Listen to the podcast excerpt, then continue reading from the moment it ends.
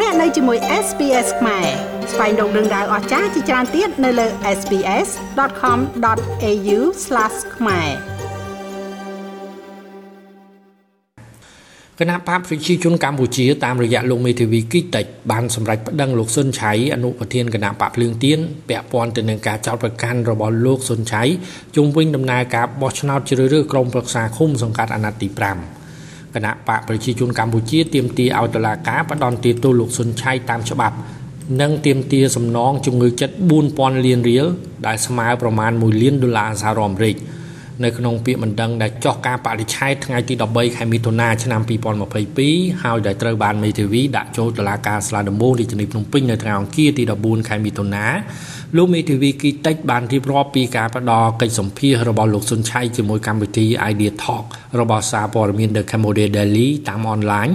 នៅការលើកឡើង3ចំណុចដែលមានការចោទប្រកាន់ពីទង្វើមិនល្អរបស់គណៈបកប្រជាជនកម្ពុជាក្នុងអំឡុងពេលនៃដំណើរការបោះឆ្នោតឃុំសង្កាត់អាណត្តិទី5កន្លងមកនេះ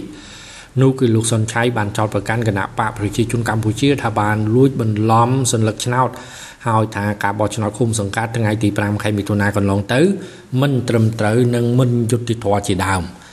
ជុំវិញការបដិងបដោដូចនេះលោកសុនឆៃមិនអាចតាក់ទងបានទេក៏ប៉ុន្តែលោកថាច់សិដ្ឋាអនុប្រធាននិងជាអ្នកនាំពាក្យគណៈបកភ្លើងទៀនបានលើកឡើងថាការបដិងបដោមិនមែនជាជំរឿសល្អទេវានឹងប៉ះពាល់ដល់ដំណើរការប្រជាធិបតេយ្យនៅកម្ពុជាក្នុងនោះភាពមិនប្រក្រតីនៃការបោះឆ្នោតតែងតែមានការលើកឡើងដើម្បីជាការកែលម្អសម្រាប់ការបោះឆ្នោតក្រោយៗឲ្យប្រសើរឡើងនៅក្នុងប្រទេសកម្ពុជាលោកថាច់សេដ្ឋា ដូច្នេះជាទស្សនៈលើកឡើងក្នុងពេលបោះឆ្នោតវាមិនមែនជាកំហុសទេពីព្រោះយើងក្នុងនាមគណៈបពប្រឆាំងតើយើងអាចមើលឃើញនៅភាពមិនប្រក្រតីហើយយើងសង្ងំយើងទទួលយកលទ្ធផលឬក៏សកម្មភាពទាំងអស់នោះឬមួយក៏យើងត្រូវតែចូលរួមកែលម្អហើយបើយើងយល់ថា គួរតែត្រូវចូលរូបកែលម្អអានឹងយើងមិនត្រូវតែមានការបដិងផ្ដាល់ឬអីបែបនេះទេខ្ញុំថាវាមិនមែនជាជំរឿល្អហើយវាជាសមត្ថកិច្ចរបស់កោជបណាបើថាភាពប្រកដីទាំងនោះដែលយើងបដិងផ្ដាល់ទៅលោកដោះស្រាយថាมันមានទេឬក៏យ៉ាងម៉េចអានឹងក៏សម្រាប់ទៅកោជបទៅវាចប់តែរឿងតែប៉ុណ្្នឹងឯងហើយទៅបន្តការបដិងផ្ដាល់ខ្ញុំថាវាធ្វើឲ្យវាប៉ះពាល់ដល់ដំណើរការលទ្ធិជាតិតៃនៅកម្ពុជាហើយវាជារឿងចម្លែកទេបើយើងនិយាយក្នុងពេលបោះឆ្នោតហើយសុទ្ធតែមានទុះមានណាគេហ៊ានឃោសនាហ៊ានធ្វើគណៈបកនយោបាយទៀតសូមបញ្ជាក់ថានៅក្នុងកិច្ចសម្ភាសជាមួយសារព័ត៌មាន The Cambodia Daily កាលពីថ្ងៃទី7ខែមិថុនាកន្លងទៅគណៈបកប្រជាជនកម្ពុជាបានសម្ដែងការមិនពេញចិត្តចំពោះការថ្លែងរបស់លោកសុនឆៃចំនួន3ចំណុចក្នុងនោះមានដូចជាថាលើកនេះ វាគ្រប់គ្រងដោយគណៈបកមួយទាំងស្រុងពីលើដល់ក្រោមគេចង់ធ្វើអ្វីក៏បានដែរលទ្ធផលហ្នឹងវាមិនឆ្លោះបញ្ចាំងពីឆន្ទៈរបស់ពលរដ្ឋទេ វាមានការបំផិតបំភ័យវាមានការទិញវាមានការលួច បានវាសអប៉ុណ្ណឹងយើងមិនចង់ប្រៀបធៀបថាចៅលួចគោទេ ដូចយើងនិយាយអញ្ចឹងចៅលួចគោគឺវាលួចគោ3ហើយយ៉ាងម៉េចក៏មិនឲ្យវាលួចទាំង5ទៅ សូមរំលឹកថាការបោះឆ្នោតឃុំសង្កាត់កាលពីថ្ងៃទី5ខែមិថុនាកន្លងមកនេះនៅក្នុងប្រទេសកម្ពុជាត្រូវបានកោជបប្រកាសថាបានដំណើរការដោយរលូនមិនមានការរារាំងនិងការគំរាមកំហែងអ្វីឡើយលទ្ធផលបឋមនៃការបោះឆ្នោតនេះក៏ត្រូវបានប្រកាសថាគណៈបកប្រជាជនកម្ពុជាទទួលបានសម្លេងឆ្នោតលើសលប់ ក្នុងចំណោមអ្នកបានចេញទៅបោះឆ្នោតជាង7លាននាក់ដែលស្មើនឹងជាង80%នៃចំនួនអ្នកដែលមានឈ្មោះក្នុងបញ្ជីបោះឆ្នោតសរុបជាង9លាននាក់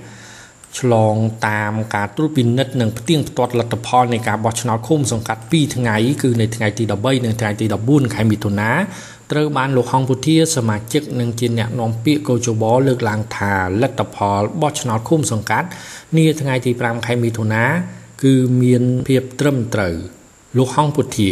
ពីថ្ងៃនេះថ្ងៃ13និងថ្ងៃ14នៅទីស្តីការនៃគណៈកម្មាធិការជាតិរៀបចំការបោះឆ្នោតរៀបចំ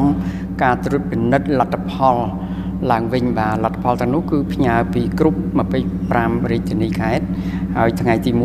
1មន្ត្រីជំនាញនៅទីនេះធ្វើការត្រួតពិនិត្យបាន14 ខេត្តហើយថ្ងៃនេះទៀតគឺជាថ្ងៃចុងក្រោយ11ខេត្តទៀតគឺបានបញ្ចប់ហើយมันមាន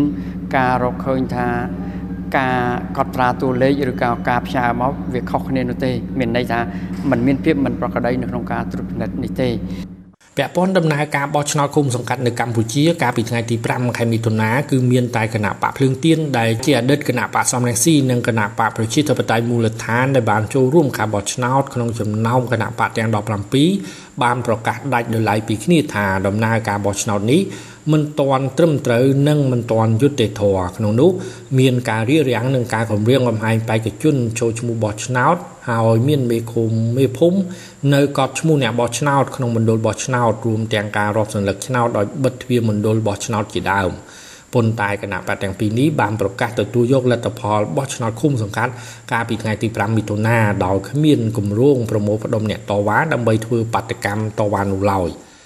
យ៉ាងណាក៏ដោយទាំងគណៈបកប្រជាជនកម្ពុជា ទាំងកោជបនិងគណៈបកនយោបាយផ្សេងទៀតដែលចូលរួមការបោះឆ្នោតនិងទាំងអ្នកសង្កេតការជាតិអន្តរជាតិបានប្រកាសផ្សេងគ្នាថាដំណើរការបោះឆ្នោតឃុំសង្កាត់នៅថ្ងៃទី5ខែមិថុនានៅកម្ពុជា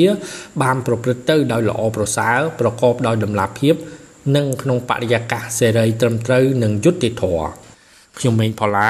SBS ខ្មែររាយការណ៍ពីរាជធានីភ្នំពេញ ចុច like share comment និង follow SBS ខ្មែរនៅលើ Facebook